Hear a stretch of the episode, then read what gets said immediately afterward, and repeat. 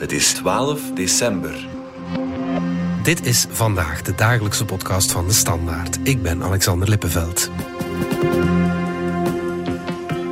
Misschien zou het een goede quizvraag zijn. Welk land is 's werelds grootste producent van olie en gas? U denkt misschien Saoedi-Arabië, maar nee, het is Amerika. Maar daar wil Joe Biden met miljarden dollars verandering in brengen. De Amerikaanse economie maakt een historische omwenteling door. Of stopt dat straks als er weer een republikein in het Witte Huis gaat zitten?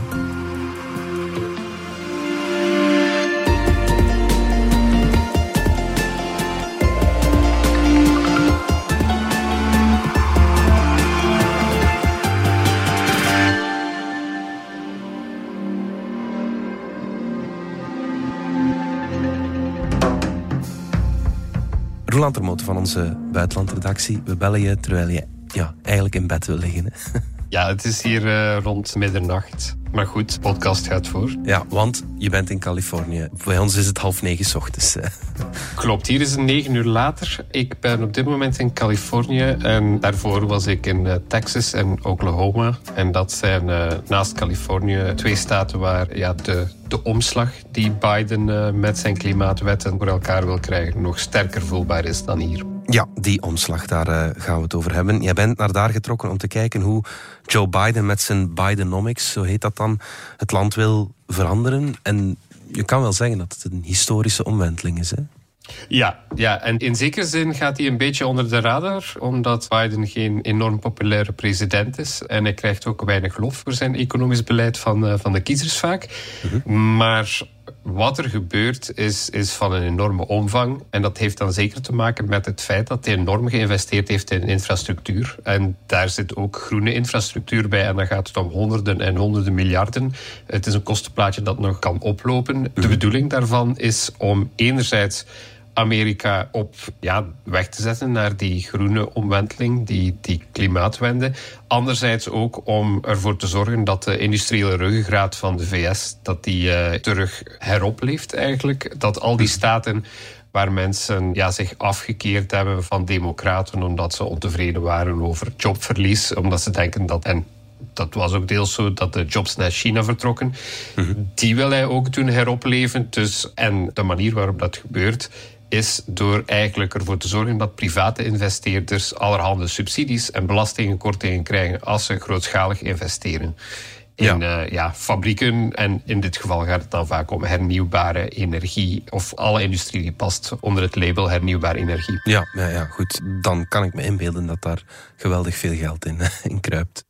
Ja, absoluut. Alleen al die Inflation eh, Reduction Act, dat is een beetje het sluitstuk van zijn, eh, van zijn klimaatwetten. Die is vorig jaar goedgekeurd. Alleen al daar hangt ja, een prijskaartje van enkele honderden miljarden aan vast. Dat overigens nog kan oplopen, want dat gaat om ramingen. Naarmate het ja, eh, beleid succesvoller wordt, naarmate het, het meer bedrijven vindt die willen investeren in zonne-energie, die willen investeren in elektrische voertuigen, in de laadpalen voor elektrische voertuigen, die willen investeren in batterijfabrieken in de VS, et cetera, et cetera. Ga zo maar door. Naarmate meer van die bedrijven dat willen doen en naarmate die bedrijven meer subsidies en belastingkortingen krijgen, kan dat kostenplaatje eh, nog oplopen. En dat is dan allemaal nog bovenop een aantal andere wetten die belangrijk zijn, in, eh, ook in die klimaatomslag eh, die hij mee goedgekeurd heeft. Dat gaat om een infrastructuurwet, ook om de CHIPS Act. Die stuurt eigenlijk een beetje het maken van halfgeleiders in de VS. En Ja. ja, dat is wat in de chips van, van jouw elektrische auto zit als je erin hebt. Je trok naar een paar staten, Roland, om te beginnen. Oklahoma. Dat is een staat waar we weinig over weten. Heel toeristisch is die niet, maar het is wel interessant om eens eh, naartoe te gaan in jouw geval. Ja, als je die al kent als toerist, is omdat de Route 66 er doorloopt. Maar ja, zowel in het geval van de Belgische toerist als, eh, als de Amerikaanse toerist is het zo dat Oklahoma een staat is waar je meestal gewoon doorrijdt. Het ligt net ten noorden van Texas, maar eh, Oklahoma is vooral bekend als een oliestaat. Ik was in Tulsa en Tulsa noemt zichzelf de oil capital of the world. Dat is een van de plaatsen waar olie voor een enorme boom heeft gezorgd in der tijd. En eh, ja, dat is eigenlijk nog steeds een beetje de belangrijkste erfenis van de staat, olie en gas. In Tulsa heet het hockeyteam de Oilers, het baseballteam heet de Drillers, eh, ga zo maar door. het belangrijkste monument van de stad is een enorme standbeeld van een van die drillers, een man die naar olie boort, die, die zijn hand laat rusten op een boortoren. Ja. Dus ja, dat is geen eenvoudige staat om een groene omwenteling eh, in te installeren, kan ik me inbeelden. Eh. Ja, klopt. En tegelijk is het zo dat er achter die façade is er wel een groene omwenteling bezig. Oklahoma is een staat met eh, best wel wat hernieuwbare energie. Heel veel windmolens ook. Maar ook een, een heel ecosysteem van ja, nieuwe bedrijven die investeren in die klimaatomslag ook. En ik ontmoet er de CEO van een van die bedrijven. Die heet David Jankowski. En ehm, zijn bedrijf ja, dat installeert laadpalen langs snelwegen doorheen de Amerikaanse Midwest. My great great grandfather moved here from uh, Russia in late 1890s, early 1900s, um, but really got lucky um, with the discovery of oil and gas. Our family, back in the early days, started a company called Francis Oil and Gas. So I moved back to Oklahoma about eight years ago. Um, really wanted to start a company. I really wanted to diversify uh, the family away from oil and gas. Ja, dus de familiegeschiedenis van Jankowski is eigenlijk uh, in een notendop ook een beetje ja, de, de, recente geschiedenis van de staat Oklahoma, die rijk geworden is met olie en gas en daar ook uh, heel afhankelijk van was maar tegelijk ook wel die omslag aan het maken is naar niet alleen olie en gas, dat zal er altijd blijven, maar ook ja, investeren in allerhande hernieuwbare energie. Hij installeert nu dus laadpalen, Roland. Is dat een succes in het land van grote pick-up trucks die uh, vooral niet op uh, elektriciteit rijden? Wel, zijn bedrijf kiest er bewust voor om weg te blijven van de kusten waar er heel veel concurrentie is. Dus hij installeert laadpalen op die plaatsen waar eigenlijk elektrische auto's op dit moment nog best onpopulair zijn. De bezettingsgraad, dus de tijd die zijn laadpalen ingenomen worden door auto's die effectief staan te laden, die staat op dit moment op 1,5 procent. Dat lijkt mij een recept om uh, failliet te gaan. Dat zou je denken, maar het is allemaal gebaseerd op het uh, rotsvaste geloof dat ook die staten de omslag zullen maken. Dus waar aan de kusten uh, in Californië onder meer mensen rondrijden in Tesla's in voorstedelijke gebieden, is het idee dat in uh, staten als Oklahoma elektrische pick-up trucks ingang zullen vinden, heel populair zullen worden en dus ook laadpalen zullen nodig hebben. You know, California is coming here. Yeah, it always does. Is het dan door die overheidssteun dat ze die investeringen kunnen maken? Het is zeker door die overheidssteun dat ze die investering kunnen maken. En dat is het hele idee. Het is iets wat nu nog niet kan als je het alleen maar met privégeld zou doen. Maar nu rollen ze het netwerk uit in het geloof dat ja, uh, dat netwerk straks wel gebruikt wordt, omdat de vraag er wel zal komen. Eens de batterijprijzen van die auto's dalen, eens uh, iedereen daar rondrijdt met een elektrische pick-up truck maar om dat netwerk nu al uit te rollen en om dat risico te nemen, hebben bedrijven die, uh, die subsidies nodig. Anders zouden ze het niet doen. En dat is de kracht van die subsidies dan, gezien vanuit het standpunt van de regering Biden. Mhm. Ja, en, en, en, om te illustreren hoe, hoe ja, die, die hele omslag in Oklahoma, die gaat niet enkel om, uh, om elektrische voertuigen. De helft van de energie komt er uh, inmiddels uit uh, wind. Maar bijvoorbeeld het Italiaanse energiebedrijf Enel, die bouwt uh, vlakbij Tulsa een enorme fabriek voor zonnecellen en panelen. Dat is exact het soort materiaal wat uh, de Amerikanen willen fabriceren in de VS en liever niet meer in China. Mm. En daar investeren ze 1 miljard dollar in een dorp. Dat gaat voor enkele duizenden banen zorgen. En dat zijn uh, meer mensen dan daar in het dorp wonen. Ja. Dus dat geeft ook een, een idee over de omvang van die uh, omwenteling. Mensen voelen dat echt daar. Ja, ja, ja oké, goed. Je, je bent ook naar uh, Texas geweest, een beetje meer naar het zuiden. Wat heb je daar gezien? Wel, daar was ik op een plaats, Abbott, ook zo een Amerikaans dorpje met een roestige watertoren en, uh, en uh, ja, en het cliché bevestigend, ja. ja, van het, uh, van het voetbalteam dat vasthangt aan de, de middelbare school, de Panthers. Ja. ja, small town big deal is hun slogan, geloof ik. Mm. En daar heeft het ja, ons wel bekende Angie een enorm zonne-energieproject neergepoot. Sun Valley heet dat. Mm -hmm. Dat is acht vierkante kilometer aan zonnepanelen. Dat zijn er zo'n 647.000 eh, stuks. Uh, Die allemaal mooi in een rijtje staan. Ja, 8, 8 vierkante kilometer, dat is om een idee te geven, dat is iets groter dan de oppervlakte van Weinigem.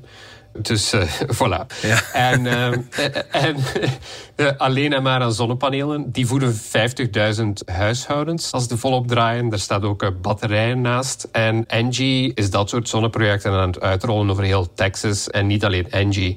En is Texas historisch niet zo'n ja, klassieke oliestaat?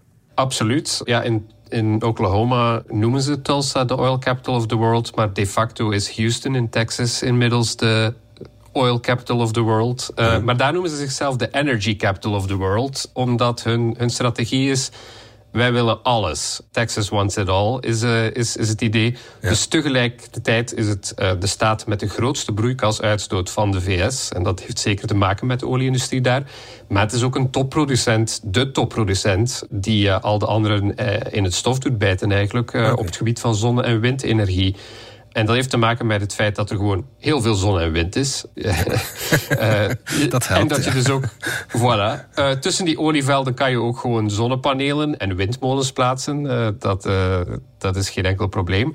Texas heeft ook gewoon lage belastingen. Daar rollen ze de rode loper uit voor bedrijven. En een, en een elektriciteitsnet dat iets beter in elkaar geknutseld is dan in veel andere staten. Dus dat maakt allemaal extreem aantrekkelijk voor, voor die bedrijven om daar te zijn in Texas. Veel bedrijven trekken dus naar Texas voor eh, projecten rond hernieuwbare energie. Maar is iedereen daar wel zo blij mee? Daar hebben we het over na de reclame.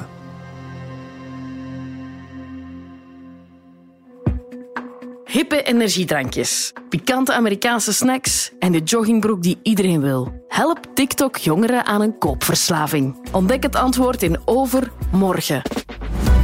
Een boeiende podcast van DS Extra en Ads Data. Host Thomas Smolders verkent de wereld van data, privacy en gepersonaliseerde advertenties. Luister nu via de DS Podcast app of je favoriete podcastplatform.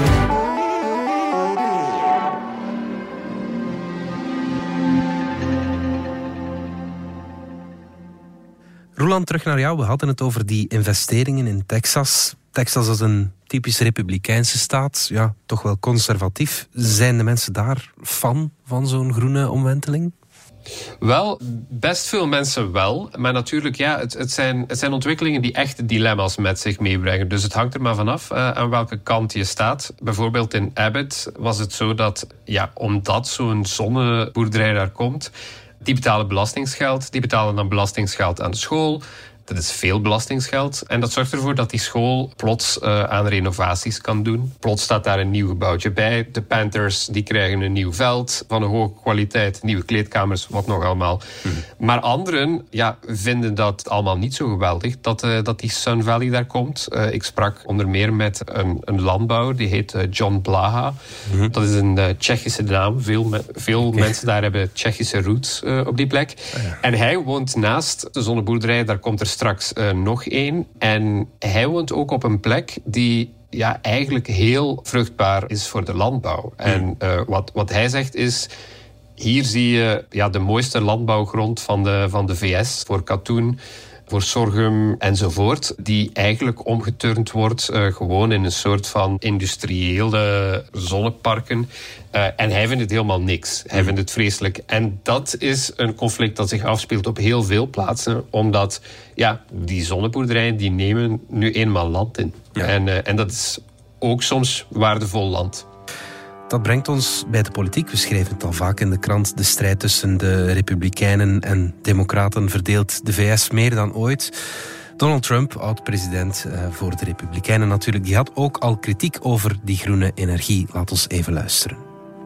We have to have affordable energy. Right now we have energy that's weak, substandard and unaffordable. It's made by the wind. The windmills rust, they rot, they kill the birds. It's the most expensive energy there is. And we have other things that are also no good. It's called the Green New Deal. I call it the Green New Hoax. Roland, zorgen die projecten, die groene projecten, ook voor politieke verdeeldheid in Oklahoma en Texas? Wel, ja en nee. In, in die zin zie je een interessant contrast tussen Texas en, en Oklahoma bijvoorbeeld. In Texas zie je dat um, dat de, de, de, lokale machthebbers vaak nog wel proberen om Biden een, een fuik te zetten. Mm -hmm. En dus soms wel tekeer gaan tegen hernieuwbare energie. Maar uiteindelijk wordt de soep niet zo heet gegeten, want ze willen, ze willen die bedrijven ook niet noodzakelijk wegjagen. Maar bijvoorbeeld in Texas is de stroom uitgevallen in, uh, in het midden van de winter in 2021. Dat schoven de Republikeinen daar in de schoenen van, onterecht in de schoenen van ja, uh, hernieuwbare energie, wind. Dat soort dingen. Dus, dus je ziet dat ze daar die cultuuroorlog wel uh, spelen. Maar in Oklahoma ziet het er bijvoorbeeld ja, anders uit. Daar, daar zie je dat ook een republikeinse gouverneur en lokale republikeinen uitermate lovend zijn over al die hernieuwbare energieprojecten. Um, en de, de, de hele filosofie die daarachter zit is eigenlijk vrij simpel. Ze hebben er allemaal tegen gestemd in Washington als het gaat om congresleden. Maar dat vinden veel mensen daar best. Uh, Oklahoma is een uh, extreem republikeinse staat, een van de roodste. 65% eh, mensen stemt er Trump. En die mensen vinden dat, ja, dat het volledig onverantwoord is, dat het begrotingstekort opblaast in Washington. Ze vinden het prima dat hun congresleden dat allemaal wegstemmen. Maar eens eens dat geld uh, Washington verlaat, en, en dat zeggen ze daar ook gewoon zo cru, ja, dan moet je gewoon uh, pakken wat je kunt krijgen, want anders gaat het naar iemand anders. Hmm. En in die zin, uh, ja, als dat geld dan bestemd is voor een nieuwe batterijfabriek of een nieuwe zonnecellenfabriek, laat maar komen. En die jobs, Alleen maak dan geen melding van het klimaat. Het gaat gewoon om uh, economische ontwikkeling. En kan Biden dan met dit plan Republikeinen overtuigen om toch op hem te stemmen of op de Democraten te stemmen? Wel, het, het zou in principe, in theorie althans, zou het een van de effecten kunnen zijn natuurlijk van al deze investeringen. Die vloeien vooral naar rode, dus republikeinse districten. Uh, dat zijn de plaatsen waar het investeringsklimaat gunstig is, maar ook waar inderdaad zon en wind en plaats enzovoort hebt. Dus die investeringen die gaan massaal naar die plekken. Dan zou je denken, ja oké, misschien zal de attitude tegenover Biden daar ook uh, iets gunstig gestemder zijn dan het geval is dat kan zo zijn op plaatsen die net iets meer, uh, ja, waar je net iets meer swingvoters ziet. Maar in die echte Republikeinse districten zeggen ze, uh, ja, president Biden, daar moeten we nog steeds niet van weten. Mhm. Maar die investeringen vinden we prima. Dus hij zal er op die plaatsen zal er politiek geen munt uitslaan. Althans niet in die hele rode staten. In mhm. andere staten misschien wel. Maar strategisch gezien is het wel belangrijk. Want als je wil dat die veranderingen duurzaam zijn, dat die investeringen straks niet gewoon teruggedraaid worden of gesaboteerd, dan helpt het wel dat de lokale gemeenschap die omarmt. En dat is iets wat wel gebeurt. Die investeringen zelf die worden wel ja, die worden wel in dank ontvangen. En soms worden de pluimen dan op de hoed gestoken van een lokale republikein. Maar dan kan Biden denken, wel, dan is die lokale republikein op zijn minst mee aan boord uh, met, uh, met mijn plannen. Ja, ja, ja, inderdaad. Het zijn natuurlijk verkiezingen volgend jaar in uh, november. Stel dat de Republikeinen winnen, met welke kandidaat het dan ook zal zijn, trekken ze deze plannen zoals die Inflation Reduction Act gewoon meteen in, want het was van Biden? Uh, de entourage van Trump zegt dat met zoveel woorden. En Trump gaat ook uh, regelmatig tekeer tegen windmolens, uh, elektrische voertuigen. Dat is allemaal een hoax volgens Trump. Mhm. Maar serieuze mensen rond Trump, of in ieder geval de mensen die de details van zijn beleid al aan het uitwerken zijn, die hebben ook al aangegeven van ja, wij gaan de hakbijl zetten in die klimaatplannen van Biden, de Inflation Reduction Act. Um, en dan hangt het allemaal af van details. Hmm. Dat is één ding, want dat kunnen ze allemaal wel zeggen. Maar veel mensen die er iets van af weten zijn ook sceptisch en zeggen ja, ze zullen bepaalde onderdelen misschien aanpakken. Misschien zullen elektrische voertuigen ervan langs krijgen, maar niet noodzakelijk zonnepanelen. Hmm. Dat valt allemaal nog te bezien. Anderzijds, dan zie je hoe belangrijk het is of uh, lokale republikeinen in uh, dat soort staten waar investeringen gebeuren wel of niet aan boord zijn met die plannen. Want zij zullen ook niet noodzakelijk willen dat uh, ja, de kip met de gouden eieren geslacht wordt. Ja, want het is natuurlijk nog lang geen gewonnen spel voor, uh, voor Biden. Hè? Nee, het, is zeker geen gewone spel, ook omdat het een enorm experiment is. Door zoveel honderden miljarden tegen industrieel beleid aan te gooien. Ja, je weet niet of je op alle juiste paarden gewet hebt. Hmm. Uh, of je al de juiste industrieën uh, mee een zetje gegeven hebt. En er zijn ook uh, gewoon heel veel uitdagingen in de VS die niet zo makkelijk uh, ja, aan te pakken zijn. Het hele land is nu wel een bouwwerf, maar bijvoorbeeld die hele ja, een hoogspanningsleidingen zijn heel krakkemikkig. Dat krijg je niet zomaar uh, opgelost. Het is moeilijk om alles vergund te krijgen. aanvoerketens loskoppelen van China, dat gaat niet altijd zo makkelijk. En eh, de Chinezen blijven geduchte concurrenten natuurlijk. Eh, die concurreren op prijs. En wat je nu ook ziet, is dat ja, de verkoop van elektrische voertuigen op dit moment is die in de VS toch iets lager dan verwacht. En dan, uh, ja, dan heb je de interpretatieslag natuurlijk. De, de voorstanders van elektrische voertuigen, zoals uh, Jan Kowski, uh, de man die laadpalen uitrolt, die zegt: komt wel in orde. Mm. Dat is een kwestie van tijd. geef het twee of drie jaar. En de Amerikanen die zijn ook om en de prijzen die zullen er naar zijn. Mm anderen zien het als een teken dat Amerikanen fundamenteel niet zo houden van, van elektrische voertuigen. Waar het zal eindigen, dat weten we op dit moment niet. Tot slot luisteren we nog even naar deze man. I, I feel like it, it's it's very good to see us transitioned into a different type of industry from oil and gas. Uh, it's it's neat that here we are, oil and gas driven economy, and now we're looking at being one of the leaders in the country for solar driven or alternative fuel. Wie hebben we gehoord, Roland? Ja, dat is Dan Corley. Dat is uh, de burgemeester van Ainola. Ainola is het uh, kleine plaatsje bij Tulsa, waar het Italiaanse Enel die uh, enorme nieuwe fabriek voor zonnepanelen zal bouwen. Dat is een heel klein dorpje. De burgemeester zelf die werkt bij American Airlines. Dat is een, een chef techniek. En burgemeester, dat is eigenlijk zijn tweede baan. Oh ja. En hij heeft het over ja, wat er allemaal staat te veranderen in zijn dorp. En dat is heel veel. Maar dat is iets waar hij soms moeilijk mee heeft, omdat veel mensen heel veel zullen zien veranderen in het dorp. Uh, en ze daar ook wel bang van zijn, van uh, al die verandering. Maar, zegt hij, ja, dat maakt ons wel minder afhankelijk van die industrieën waar we altijd zo afhankelijk van geweest zijn. En dat is zeker de olieindustrie. En uh, ja, die olieindustrie die is, zo zegt hij steak or beans. Oil and gas has always been so volatile. Mm-hmm, Uh, it's either, if you talk to the guys in construction trade, they'll tell you it's either steak or beans. Yeah. You know, it's either thriving or it's in the toilet. So. De ene maand gaat het goed met de olieindustrie, dan zijn er jobs te over en word je dik betaald. Dan eet je steak.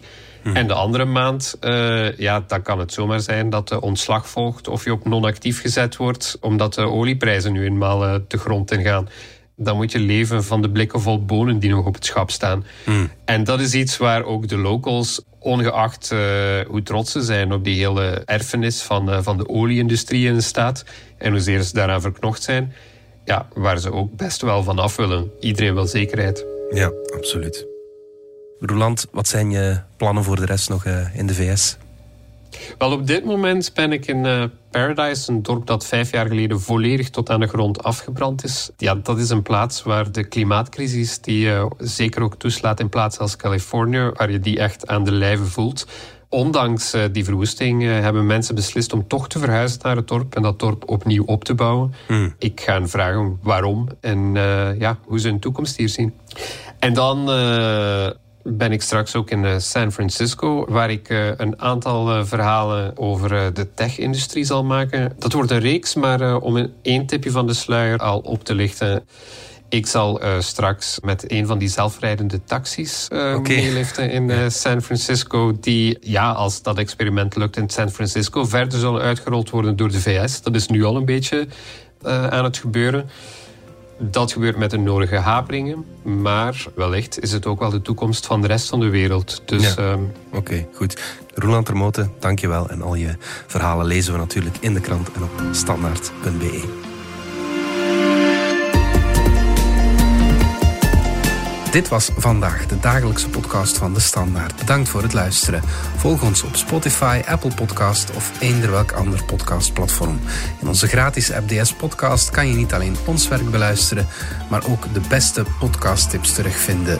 Alle credits van de podcast die je net hoorde vind je op standaard.be-podcast. Reageren kan via podcast.standaard.be.